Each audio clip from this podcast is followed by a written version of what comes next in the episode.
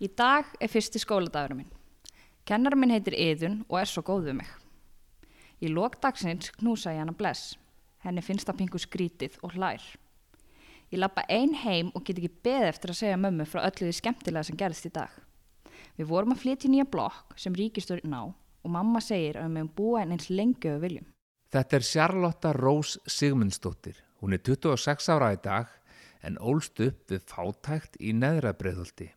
Hún er að lesa fyrir okkur sögu sína sem byrtist á prenti í bókinni Á morgun er aldrei nýr dagur. Á leiðinni heim hitti ég strák sem vill verða samferða. Um leið og ég segja hann hvar ég á heima verður hann skrítin og furðuleg gretta kemur á hann. Áttu heima í villingablokkinni, spyr hann og lappar í burtu aðurinnina í svara. Hvað meinar hann eiginlega með villingablokk?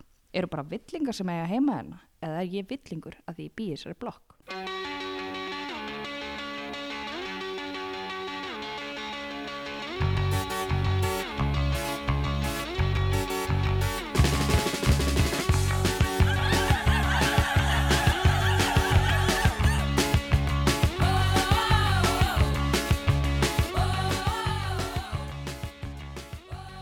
Komiði sæl. Ég heiti Mikael Torfarsson og þetta er síðasti þátturinn af fátæku fólki. Síðustu átta mánuðið eða svo hef ég tekið viðtöl við fátæka Íslendinga. Fólk sem býr við fátækt, hefur búið við fátækt eða er líklegt til að búa við fátækt á næstu árum. Í fyrsta þætti rætti ég við vaksandi stjætt neðri millistjættar á Íslandi. Sú stjætt treður marfaða við fátækramörk og er bæði háskólamentuð, yðnmentuð og ófaglærð. Þetta eru kennararnir og smiðirnir, sumir hverjir, og ræstiteknarnir. Í öðrum þætti horðumst við í augu við fordóma okkar gagvart fátækum. Fátækt er ekki hinn um fátæka að kenna. Hún er samfélagsmein. Í þriðja þætti var ég viðstættur matarútlutanir hjá hjálpastofnunum og við kynntumst ómannúlegu kerfi sem gerir lítið úr fátækum. Í fjórða þætti skoðum við fátæktar af gildurinnar svokulluðu og þátturinn í dag ber þann hryllilega titil Fátæk börn. En í fyrra kom út þessi bók sem Charlotte las fyrir okkur upp úr í upphafið þáttar. Við ætlum að heyri henni Charlotte síðar í þættinum en Þórhildur Vígdög Kristínadóttir átti líka sögu í umrættri bók, hún ólst upp við fátækt. Hún breyttist og varða þessari þögglu stelpu að undanteknum blótsirðinum sem myndum vera sjóara en áttara barn. Og dagdraumarnir hennar hættu að vera um óupplu ævintýri og fóru að snúast um að verða betri mannesku en hún var. Að innan var hún fóðurum með dýrasta damaski og fínasta flauili. Þar ángaði hann af exotískum iljumjörtum og hári var skreitt með blómum frá eigi í Karabíska hafinu. Fólk kisti fótsporanar og drakk í sig sjálfgef augnaráðunar sem rötuði til þeirra. En á utan sást aðeins þippin stelpa uppfull af óryggi sem þorði var alltaf horfast í hug við aðra. Ég heiti Þórildur, ég er 17 ára og ég er úr MH. Þórhildur úr MH. Við sátum í eldhúsinu hjá þeim maðgum en hún býr með mömmu sinni. Þær hafa alltaf búið saman og eru hefnar í dag að leia hjá ættingja. Hvað er fættistu? Ég fættist í Mórselsbæ og við vorum sem sagt, ég, mamma og pappi með alveg frekar stórst einbílishús þar og hesta sem var alveg frekar indislegt og var þar fyrstu ára æfið minnar. Já, ok. Og varstu það bara, voru það bara í Mórselsveitinni? Já, svona næstu því. Við vorum með hesthús í rauninu bara rétt fyrir utan. Við vorum með nokkra hesta þar. Og hvað, hvað bjóstu þar lengi? Ég mannaði ekki en ég held ég hafi búið þar uh, þanga til ég var þryggjára, minnum mig. Flutti svo eitthvað óðinskuti niður í bæ og ferðast eitthvað um þanga til ég flutti sem sagt til Fraklands þegar ég var fimm ára, í eitt ár. Já, ok. Og svo ertu hérna, í Fraklandi eitt ár, byrjar skólagöngu þar eða? Nei, þá var ég í leikskóla þar í tíu mánuði og þó ég hafi verið svona lítil og þá mann ég alveg freka mikið eftir þessu og, og hef sem sagt verið mikið í frönskunni eftir það það er aldrei áhuga mál Og svo, svo kemur þau heim og hérna, hvað gengur í grunnskóla? Þá fer ég í Östubæðaskóla og er þar fyrstu fimm árin og það gekk ekki alveg eins og ég bjóst við þetta var frekar erfið skólangóka það var freka mikið um einelti og ég naut mín ekki sem einstaklingur á þessum tíma og fór frekar mikið niður og endaði með því að sagt, skiptum skóla þegar mamma byrjaði með öðru manni og við fluttum í Grafóin og fór þá í Víkurskóla og var það nokkur ár. Og gott að vera í víkurskóla? Nei, þetta sumara áður en ég byrjaði í Víkurskóla þá hafði ég verið að byggja mig upp og vinna mér sjálfströstið og gera alls konar góða hluti og, og byrjaði sér þetta í Víkurskóla og gekk frekar vel fyrst. Ég egnaðist nokkra vini og mér byrjaði að líða betur og, og ég fór svona að verða meira ég sjálf og, og feimnin viekt aldrei í burti þá. En svo eftir myndi ég segja fyrsta árið þar að þá fór þetta freka mikið niður. Ég misti vini mína bara út af alls konar hlutum og, og brátt byrjaði daldi mikið baktal og þó að þetta var ekki slæmt í Östubæðarskóla þar sem ég uppliði bæði andlegt og líkamlegt einaldi að þá var þetta ekki nógu gott. Og ég fann strax að ég byrja aftur að fara í þetta sama hugafar og ég var í þegar ég var í Östubæðarskóla þannig að í byrjun áttundabækjar að þá var bara eins og ég áttaði mig á að þetta var ekki alveg að gera sig. Og þá ákvaði ég að fara í nýja skóla Þrátt fyrir ungan aldur hefur Þórhildur unnið mikið í sjálfur sér, en ekkert af þessu er henni að kenna. Hún ólst upp á flakki og bjóði skort. Í áttunda bekk skipti hún aftur um skóla og fór í tjarnaskóla. Þetta er bara svona eins og sagan endalisa. Þá, sem sagt, fór ég á Deil Carnegie námskeið þar sem þú ert að vinna með sjálfströsti og byggja þig upp og læra að tala fyrir framann aðra og bara og það gekk rosa vel og ég varði í rauninni bara allt önnur eftir þetta námskeið. Þetta var rosa dýtt námskeið og mamma náði einhvern veginn að skrafa peningi fyrir því og eftir það að þá byrja ég í skólanum og, og ég man eftir fyrsta daginu mínum rosa vel. Ég var með rosa mikla vonir bundan við hennar skóla. Þetta var þriði skóla minn og þetta var ekki búið að vera auðvelt fyrir mig. Og ég man fyrsta daginn að þá Úf, fyrir þá var þess að stelpa sem gekk að mér eftir íþróttir og kallaði mig frekju og þetta var stelpa sem ég þekkti ekki neitt. Ég hafði unnið fókballarleikin íþróttum og þessi stelpa var greinlega vöndi að hafa alltaf stjórnina í bekknum.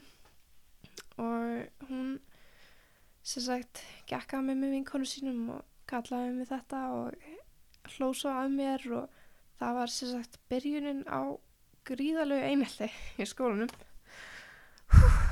Þannig að það ég bara rapaði niður eftir það.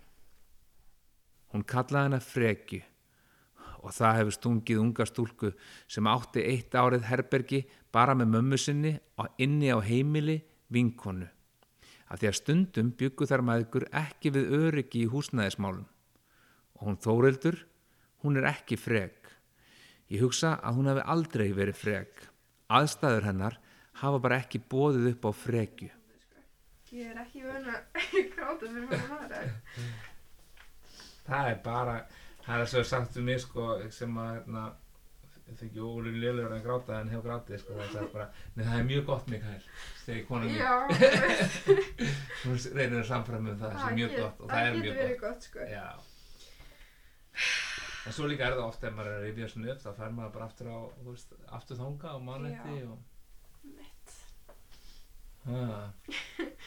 Já, sorry. Við skulum taka smá pásu og heyra punk frá Megasi og vini mínum honum Tolla Mortens.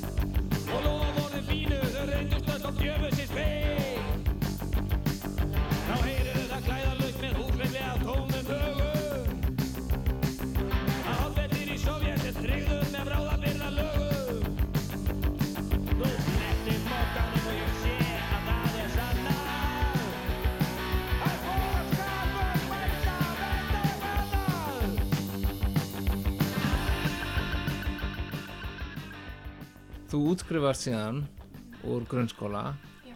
og ferði í MH. Fyrir sérst í MH er þá búinn að fara í einnig skóla í viðbútt. Hvað, er skóla? Það var Nú, ég var í góða eins og nei, er það? og það gekk rosa vel.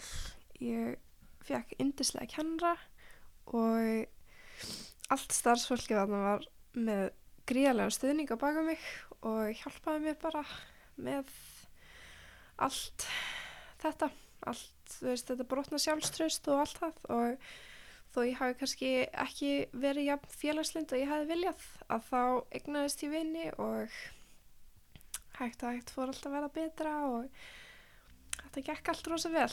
Það rofaði til hjá Þórildi en það voru þær maðgur komnar í örugt húsnaði. En það var ekki alltaf þannig eins og komið við fram. Það voru þessar tímar þar sem þetta gekk ekki nógu vel hjá okkur en, en er alltaf að koma á núna en er kannski samt aldrei á sama stað að það vantar peninga og það sem ég fann sterklega fyrir var þörfin að vera eins og aðrir í kringum mig.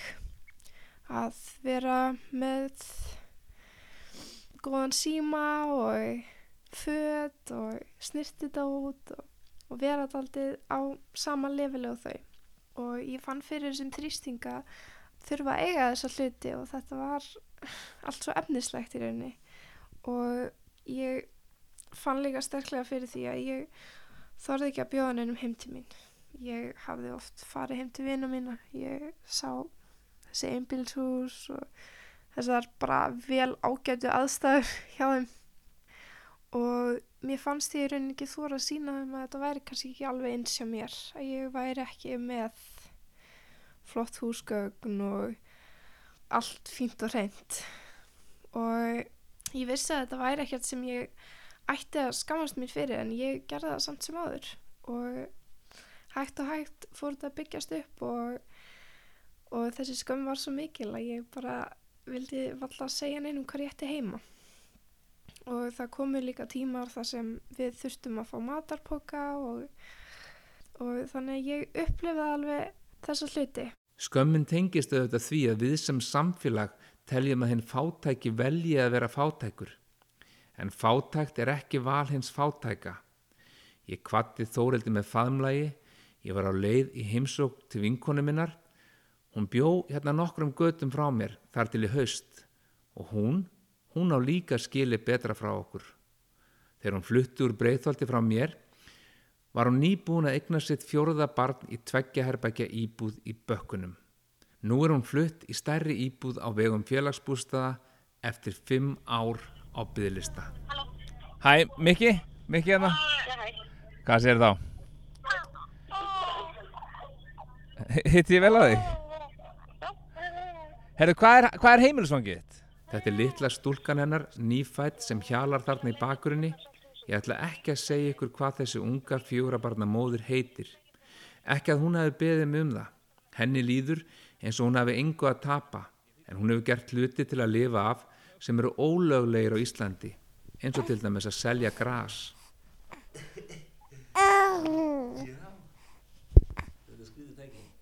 Komur aðeins fyrir það? Já.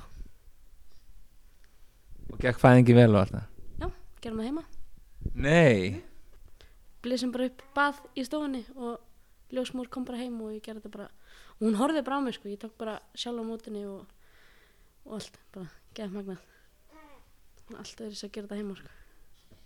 heldur hann að vera á, á svona stofnun spítalan? Fyrst skipt sem ég fæ ekki kvíðakast eða neitt í fæðingu sem ég hef alltaf fengið sko. Og alltaf verið alveg innan við klukktíma aðeins að þetta hefur bara gerst og frætt og í kvíðakasti og eitthvað. Núna bara var þetta allt öðru sér, bara fekk mér að borða í mínu einu eldhúsi og fór að lagði mig og þú veist, það var svona tók alveg sól að ringa eitthvað bara í rólegheitunum sloknaðist bara á hríðunum og svo kom aftur og þetta var bara svona virkilega næs eitthvað Eh, Var þetta ekkert mál þó þú væri í hérna 50 fermetrum? við náttúrulega færðum bara all húsgögnin í stofunni upp í veggina og, og vorum bara með baði svona í miðinni einhvern veginn Þessi unga nýbakaða móðir sem er Bróðir minn tók 25 ára er að ala upp fjögur börn við fátækt. Hún er komin í betra húsnæði en þegar hún eignaði sparnið og ég var að kynast henni. Það er því miklu betri en í hljóðið. Í raun hef ég aldrei séð hana í jafn góðu ástandi og eftir hún komst í stærri íbúð. hvenær fluttur í þess að tvekja herbyggi íbúið bökkun 2010 það var hann um 2012 sem ég sækjum flutning og 2013 byrjaði ég að ringja alveg vikulega að fá að láta tilnæmna mig íbúðir endalist og hvað varstu gömul þegar þú eignaðist elstabarnið ég var átjóna varð 19 rétt eftir ég átti. Það verður fyrir ungur og eignast barn. En svo, og þú bjóst bara heima þér fyrst og nei, ég bjó með kærastanum mínum. Já. og svo við, þegar ég var komin áttamánaðuleið þá hættum við saman og þá flytti ég inn til mér og pappa og svo náttúrulega skildu þau 2010 þannig að þú veist þá átti ég að flytja út. Mamma sagði að hún get ekki haft mér með sér og pappi var náttúrulega bara fullur þannig að þess vegna sótti ég bara um félagslega íbúð og þetta var fyrsta íbúð sem bauðist og ég ákvað að fara í hana bara. Og ætlaði mér alltaf bara að vera hann í halvt ár sko. hugsaði alveg þannig. Myndi bara vera hann í svona halvt ár og svo finna eitthvað annað. Svo liðu árin í litlu tvekja herbyggi íbúðinni þar til börnin voru orðin fjögur. Þessi vinkona mín ólst sjálf upp við fátækt þegar hún var barn. Ekki mann þú veist nesti mitt í skólan var oftast bara brauð með tómatsósu af því það var eina sem við áttum heima í okkur. Þú veist að við vorum alltaf með tómatsósu og svo brauð og maður var alltaf vel út ef það var úldi brauð eða ekki þá þurfti maður samt að sætt sig við að taka bara brauð sem var ekki komin eitt grænt á. Eða þú veist það var svona en við náttúrulega áttum eiginlega aldrei penning sko. Þetta var svona já við vorum ekkert að gera rosalega mikið þannig. Að ég man ekkert eftir að hafa verið eitthvað farandi í bíó eða gerandi eitthvað meira heldur en þú veist að ég horfði náttúrulega hinn að vinnu mín að gera eitthvað miklu meira sko. En ekki hjá okkur. Fi- finnst þér erfitt þegar þú horfið tilbaka að hafa allist upp við fátækt eða? já, ég verð svona eiginlega bara pyrruð þótt að sé aðsnalegt sko. Ég verð bara pyrruð eiginlega út í mömmu yfir að hafa sett sér við að vera með einhverjum alkoholista sem að var ekki að leggja neitt inn á heimilið. Þú veist, svo fluttu hann til Svíþjóðar. Þú veist, ég er eina sem mann með þess að eldra sýsti mín, eldri sýsti mín mann ekki eftir Svíþjóð sko, hún bara hefur blokkað þetta út eða eitthvað, ég veit það ekki. Þú veist, fór og fóru við við út. Og amma og afi fóru líka í fangilsi þannig að þú veist, við fluttum einhvern veginn öll svona í þau voru öll einhvern veginn halvpartin að flýja örgla voru örgla gæltur á dag eða eitthvað þú veist. Og fórum hann öll út og þegar pappi kemur út þá fór hann að vinna í Þýskalandi þannig að mamma var bara ein með okkur. Svo pappi kom bara svona inn á milli. Þú veist og náttúrulega allir hans penningu fór bara í áfengi þannig að við fengum ekkert að finna fyrir því að hann var að vinna eitthvað starf fjölskyldan flutti fljótt heim til Íslands og þar hjælt fátæktar baslið áfram. Því mann þegar ég var held ég þriðja fjörðabekka eða eitthvað þá var ég að labba í hús og þess að reyta arfa hjá þeim fyrir peninga og fórum að labba í hús og bjóðst til þess að labba með hunda fyrir peninga þú veist ég var alltaf að gera eitthvað með tombólur og endalust, sérstaklega við vorum ótrúlega svöng og sískin mín voru svöng og svona þá fór ég bara helt tombólu og kefti mat eða Þetta var að lúla svona ég kom með vagnin Það var orðin sippin bara. Það var sipplast að milli þess að vera pyrruð og svo bara hlæja af þessu saman. Já. Hún streytist rosalega mótið því að hún er þreytt sko. Hún að Og manst eitthvað, manst, fórstu bara með, alveg bara með peningin sjálf bara út í bónus í spönginu og keftir eitthvað Já, og líka sjoppan við hliðin okkur bláa sjoppan. Ég náttúrulega vissi ekki að það var kannski ódýrar í bónus heldur en í sjoppunni. Þannig að ég lappaði oft út í sjoppu. Var, þá var alltaf til mjölk og brauð og eitthvað. Núna er þetta náttúrulega bara nammi sko. En þegar við byggum hann var oftast eitthvað svona smottir í að mat sko. Þannig að við keftum oft þar sko. Veist, hefði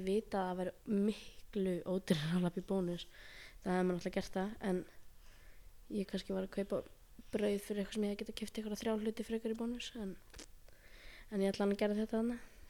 Já, hún vissi bara ekki betur, litla stelpan, en hún lærði svo að stela af eldri frængu sem var föst í viðju fíknefnaneyslu en bjó í hverfinu og var til staðar. hún kendi mér einmitt að stela þegar ég var bara eitthvað tíu ára eða eitthvað og eldri sýsti minni ég var einmitt að segja mömmu að bara senast bara í senustu viku var ég að segja henni það mamma fór að gráta þegar ég sagði henni af því að hún hefur kent sér svo mikið um það þegar kom hann eitthvað tímabil þar sem ég var að stela í búðum og eitthvað að hún held að hún hefði gert okkur að þjófum bara segir var Hverju varst að stela? mat. Bara aðalega sko. Þú veist, jú, því ég var úlingur þá fórum við eitthvað svona stela nammi og eitthvað svona drasli. En ég stal mat á tímabili núna eftir ég átt, átti Andrea sko. Þá tók ég ost og eitthvað. Þú veist, að kaupa ost, þetta er bara dýrasta sem ég veit sko, ég bara syrgi osti minn þegar hann er að klára hverja þúsund kallið eitthvað að kaupa ágætlega stóran ost sko. Mér finnst þetta bara rugl sko. Þannig að þegar maður fyrir maðursnefnd og það kemur ostur þá er maður ógeðslega glaður. Þannig að þegar börnum minn byrði mat og vilja fá brauð með osti og svo vilja þau ekki matið sem vilja hendunum allt í einu. Og okkur finnst það ógeðslega leðilegt ef við horfum að tvær ostasneðar fara í rusli sko, þetta er alveg frekar asnalegt sko, en þetta er samt svona hundleðilegt Hver hefur ekki hent hálfri bröðsnið án þess að syrkja hana neitt sérstaklega? Já, það er erfitt að heyra þetta. Við skildum þessa ungu konu eftir í fátækt þegar hún var stúlka og núna erum við að festa börnin hennar í sömu fátæktara gildrunni. Það er 180 á mánu og lega minn er 180 en ég fæ 70 skall húsaleigubætur þannig það eru húsaleigubætunar sem að eru að hjálpa mér það er annars náttúrulega fyrir við maðursnefnd einu sinni í viku ég má það akkurat núna á meðan ég er í fæðinglónum þá má ég fara í hverju viku en annars má ég bara fara tvisar í mánuði það er eitthvað svona sem er skoðað út frá launum og eitthvað það má maður að því að reikna með barnabætunar inn í launum mín. Þú veist ég fæ barnabætur á þryggja mánu fresti og það reiknað eins og ég fái það drift á þrjá mánuði, þú veist. Þannig að, já, við fyrir allavega líka í fjölskyldjálp einu sinni í mánuði. Fyrsta, nei, annan þriðjudaginn eða miðvikudaginn í mánuði sem við fyrir Og hvað fær, hvað fær maður þar bara nýstu nöðstinur? í maðurasnefnd er þetta ókslega asnalegt þar fær maður ókslega lítið og er, ég fæ jafn mikið á mamma mín og hún er ein skilur og ég er með fjöguböld, það er samt bara eins fyrir alla, maður fær hálfa gúrku eitt brauð tvo banana og svo oftast eitthvað jók Kannski finnst einhverjum að fátækir eigi bara þakka fyrir það sem þau fái, ekki mér. Jú, það gæti verið að nú sárni einhverjum hjá fölskyttuhjálp eða maðrastyrst og það er allt í lagi. Það er gott fólk sem þar starfar og það getur alveg kynkt því að vera gaggrind. En það er það þannig að ef ég væri sjálfur fátækur myndi ég líta á vandamál mitt sem skort á peningum og að ég sjálfur væri best til þess fallin að ráðstafa mínum peningum. Við hins vegar viljum sem samfélag skamta hennum fátæka tvær eða þrjár appilsínur eftir fjölskyldustærð. Og þessi vinkona mín er engin auðmingi. Hún er ekki að sína okkur vannþaklæti. Hún er tilbúin að gera hvað sem er fyrir börnin sín og var núna í fyrsta skipti að skrá elsta barni sitt í íþróttir. var að mynda að fara í fótbolta núna í fyrst skipti og geta keft andan fótboltaskó og eitthvað minnst alveg svona frekar stort sko. Það sé kannski eðlilegt hjá öðrum. Sem er náttúrulega bara geggjað það því ég sko var að byrja að selja hörpalæf og það allt í nú geti gert eitthvað aðeins svona aukalega að fara með þau þú veist, þau fara náttúrulega í klippingur svona alltaf því við barnabætur þá kaup ég alltaf skó og alltaf eitthvað sem vantar í útifötin þú veist eins og núna voru stígvilin hjá yngstu að skemmast og ég er að býða það eftir að fá barnabætur í februar til þess að geta gefið henni stígvill þú veist, þetta er svona við getum alltaf keft skó og útiföt og klippingar og allt þetta þegar barnabændar koma. Hún hefur alltaf unnið. Áður hún varð ólétt af fjórðabarninu vann hún á bensinstöð. þar var ég að vinna alveg eða eitthvað. Svo var ég ólita henni þannig að þá fekk ég hann að brjósklós og grindaglinin og allt þetta þannig ég gæti ekki unni þar lengur. En Hvernig fannst þér fannst þér hérna breytast mikið fjárhagslega staðaðin þegar þú varst að vinna í Ólís hérna 12 tíma vaktir? ég var, samdi þá bara um skuldir og var að borga svolítið af skuldum þá. Þú veist þannig ég var svona svipið um staðin samt aðeins betra. Að ég var, varð vakstjóri þar þannig að ég fekk alveg ágætlega fínlein sko. Hún var með 300.000 útborgar á bensinstöðinni, vaktstjóri og dugnaðar forkur með þrjú börn heima. En þú ert líka svona dugnaðar forkur en þú rekur heimili og með fjögur börn svona hvað ertu gömul núna? 25 ég náttúrulega hef alltaf verið að þrýfa hús líka og skuttla á nætunar og eitthvað. Og var alltaf að þrýfa hús í hverju viku hjá fólki. En bara eftir ég var óldi henni þá skemmtist líka minn rosalega mikið þannig að ég get ekkert gert þegar Hún finnur sig núna sem Herbalife sölukonu en hún og kærastinn seldu kannabis á tímabili til að eiga fyrir reikningum. við fórum að selja græs á tímabili sko. Þegar við vorum bara það blenka og okkur langaði svo ókslega mikið að geta gert eitthvað allan fyrir þau, vorum alltaf billust þarna og vorum að taka strætó alltaf með bönnin og ég og úlétt og þetta var bara helviti sko. Þannig að Þú notar ekki eins og áfengið við möfni. Nei, nefnilega ekki sko.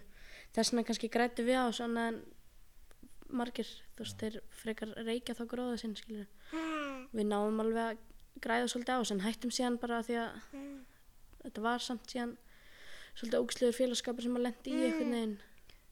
Þú veist, og pappi alveg, hann vissi af þessu sko. En hann var eiginlega brjálæður yfir að við værum að þessu og ef við myndum vera að þessu þá þyrftum við sko mætti sko enginn vita þegar hann fær að vita að ég nefni þetta við fólk, hann verður bara brjálæður en ég bara, þú veist ég ætla ekki að skammast mín fyrir að hafa gert þetta þótt að var kannski óheðalegt að hafa gert þetta en ég bara varð að gera eitthvað einhvern veginn og þetta datt einhvern veginn í hendunar á manni.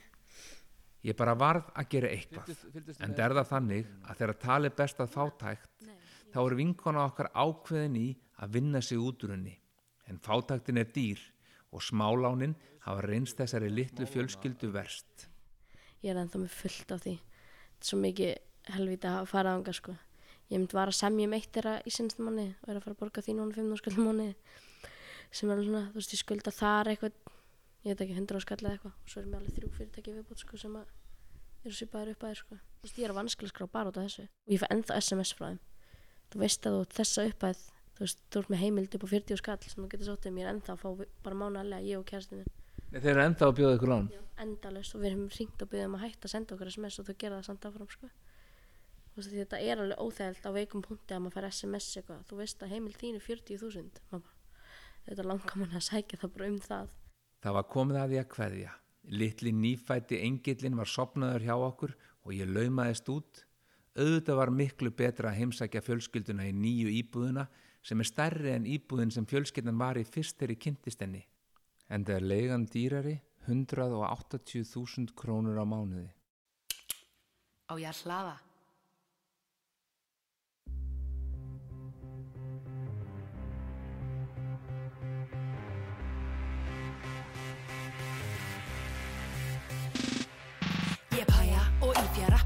Ég svo færasta, skipt gæja eins og túrtappa ég á. Sjö kærasta, væru kærasta á hælunum eins og mæli særi svo nærunum Skipt brókum smók og breytist í. Blöðrasta Tek rappar eins og grappa skot í blandi Fernet brakka sparka niður hurðin eins og blas. Ég þarf ekki að banka Bankastjórar borga mig fyrir það eitt að vera til. Banki mún, búin að bangan Banga það sem ég vil Eyjó, ég fréttan að móðfóki fastar fléttur Hættulegri en bent og reiki kópi síkarettur Réttu mér léttan vatti og leiktu með mér spendur Því ég er svo tíð á þínu lag að ég er eins og túblettur Lettur, ekki í huga fara hverfin í móðu.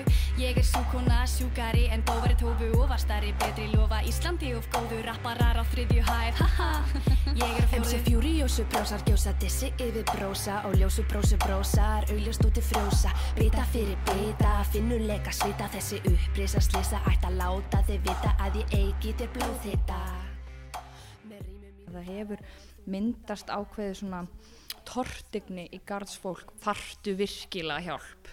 Ertu í virkilega í slæmri stöðu? Þú veist þegar fólk hefur verið allavega þegar mamma, þegar ég er allst upp. Já, það. Er já, þannig að það, ég man að þú veist, mömmu fannst svo erfitt að fara og, og, og þurfa einhvern veginn að sanna. Og það er alveg nógu erfitt að fara að byggja um hjálp hvað þá þurfa að sanna það og einhvern veginn koma með einhverja ræðu og sorga sögu sko Þetta er Charlotta Rós Sigmundsdóttir. Við heyrðum í henni upphæðu þáttar. Hún skrifaði sögu í sömu bók og Þórhildur sem við heyrðum í fyrr. Charlotta er algjör töffari og hispusleysi hennar hafði jákvæð áhrif á Þórhildi þegar þær kynntust í tengslu með bókina á morgun er aldrei nýr dagur. Charlotta er mjög svöl og hún reyndi að útskýra fyrir mér að hún skammast sín ekki neitt fyrir að hafa alist upp við fátækt. og að upplifa alls konar svona auðvitað er þetta erfitt og skrítið á þeim tíma en eftir á higgja það er bara spurning ætlar að taka þetta með þér eða ætlar að láta þetta stoppa þig En það er líka svona töffar í þér sem er að segja, og ég, ég les það skín gegn sögunni þinni, það sem ég les í gegn að, að þú, þú ert sko stolt af þínum uppruna og hvaðan þú kemur. já, ég er það algjörlega veist, hvað er ekki að vera stolt af? Veist, mamma eins og þú sérði í sögunni er algjör töffari líka. Og þú veist, við erum, ég er á góðum stað í dag og ég sveif ekki ynga sem ég er í stað, ég þurfti virkilega að vinna fyrir því. Og það er rosalega góð tilfinning að vera á góðum stað og vita það að ég þurfti virkilega að vinna og ég gerði það alveg og ég gerði það alveg sjálf. Og hvað ert í dag? Segðu mér svona frá hugundinum á stöðunni. ég bý í seljakörunu flutti aftur í bregðaldi Nágranni minn. nágrannin, nei ég flutti nú hérna upp í seljakörunu, við vorum að kaupa okkur íbúð. Eh, við erum með neðri hæð hérna. Og já, já, hund. Sex mánuða hund, flottan garð. Þetta er voðalega grúttilegt allt saman. Eh, ég er búin að læra þjónin mentaði þjón. Og er núna að bæta við mig viðskiptafræði í háskólanum. Og ég hef það bara ágætt sko. Og, og hérna, þú veist, það var ekkert minni æsku sem núna í dag sem hefur áhrif á hvar ég er. En, en ég var líka rosalega heppin að ég kynist bestu vinkunum minni því ég er 13 ára. Og fjölskyldan hennar var ótrúlega ólík minni fjölskyldu, það er engi mentaður í minni fjölskyldu. En þau eru bæði mentuð og vegna mjög vel og í gegnum það, ég er svolítið mikið hjá þeim, ég var eiginlega orðin en að, þú veist, svona svolítið heimalingur þar í gegn fekk ég þá hugmyndi flugu í hausinn og, og það er einhvern veginn mótaðast að mentun væri allt. Og ég er svo þakklátt fyrir að kynst þessu fólki og það kannski hefur ekki hugmynd um áhrifin sem það hafði á mig. Og þau eru ennþá í lífinu mín í dag og, og hérna þetta er einhvað sem er rosalega mikið og ég held að þetta er bjarga mér. Að því að þegar þú elst upp þar sem allir í blokkinu eins og þessi fjölablokk, þar, þar var enginn að menta sig, það var ekkert lagt upp úr mentun og þá náttúrulega dettur úlingi ekki bara í hug sjálfur að menta sig að því einhverju skólanum segir, segir að það er svo gott þetta er svo mikið félagsmótun og, og þetta er einhvað, ég held að mentun sé bara leikillin að því að komast út úr fátarkildrunni hvernig sem það er sko Já, Charlotte lætur ekkert stöðva sig. Hún má líka vera stolt af sínu og þakklátt sem hún er. Vinkonan sem hún talar um bjó ekki í hverfinu. Saga Charlotte er hetjusaga. Hún kynntist vinkonu sinni og fjölskyldu hennar í hesthúsa hverfinu í Víðidal. og ég var skríti bann, ég var alltaf að fara hann nýri ellegadal, bjóin í bök, eh, hérna í bregðaltinu og var alltaf að fara nýri ellegadal að hanga hann í hestúsarkarinu hana og svo er ég búin að hanga hann rosa rosa lengi og þá er eiginlega bara heyrt í mömmu og, og spurt hvort hún vil ekki koma og kaupa hestanda mér. Hvort það er 30 skall, eitt polli. Fór bara feti frá húsi og hljópa alltaf heim. Og ég fekk hest þegar ég er nýjára og kynnist svo bestu vinkonum minni í gegnum það Og ert í hestanum í dag? já já já það væri til að vera meira en, en, en mun, þetta mun alltaf vera partur af lífinu mínu sko. Mamma hennar Charlotte útvegaði peninga til að kaupa hestin. Hún hafði sínar aðferðir og kunnið að fara fram hjá félagsstjónustinni sem hefði auðvitað aldrei keift hest handa fátæku barni í blokk í bökkunum í neðra breiðholti. Ég var alveg upp. Þú ert kannski verða því að mamma er náttúrulega mjög virðulega og flott kona, henni fannst þetta alltaf rosalega niðurlega, hún reyndi að gera lítið að hún komst hjá því og hún nota, og ég meina eins og ég segi frá þessu raun, hún notar aðra leiðir til að afla peninga heldur hún að fara neyri hjálpastað og, og býði fá mataboka. Ég er ekki að segja að þessi leið hafi verið besta eða góð, er eina rétta leiðin en henni hefur bara leiðið þannig en henni fannst niðurlega Saga Charlotte er ekkert einstæmi og hún var fljót að flytja heiman.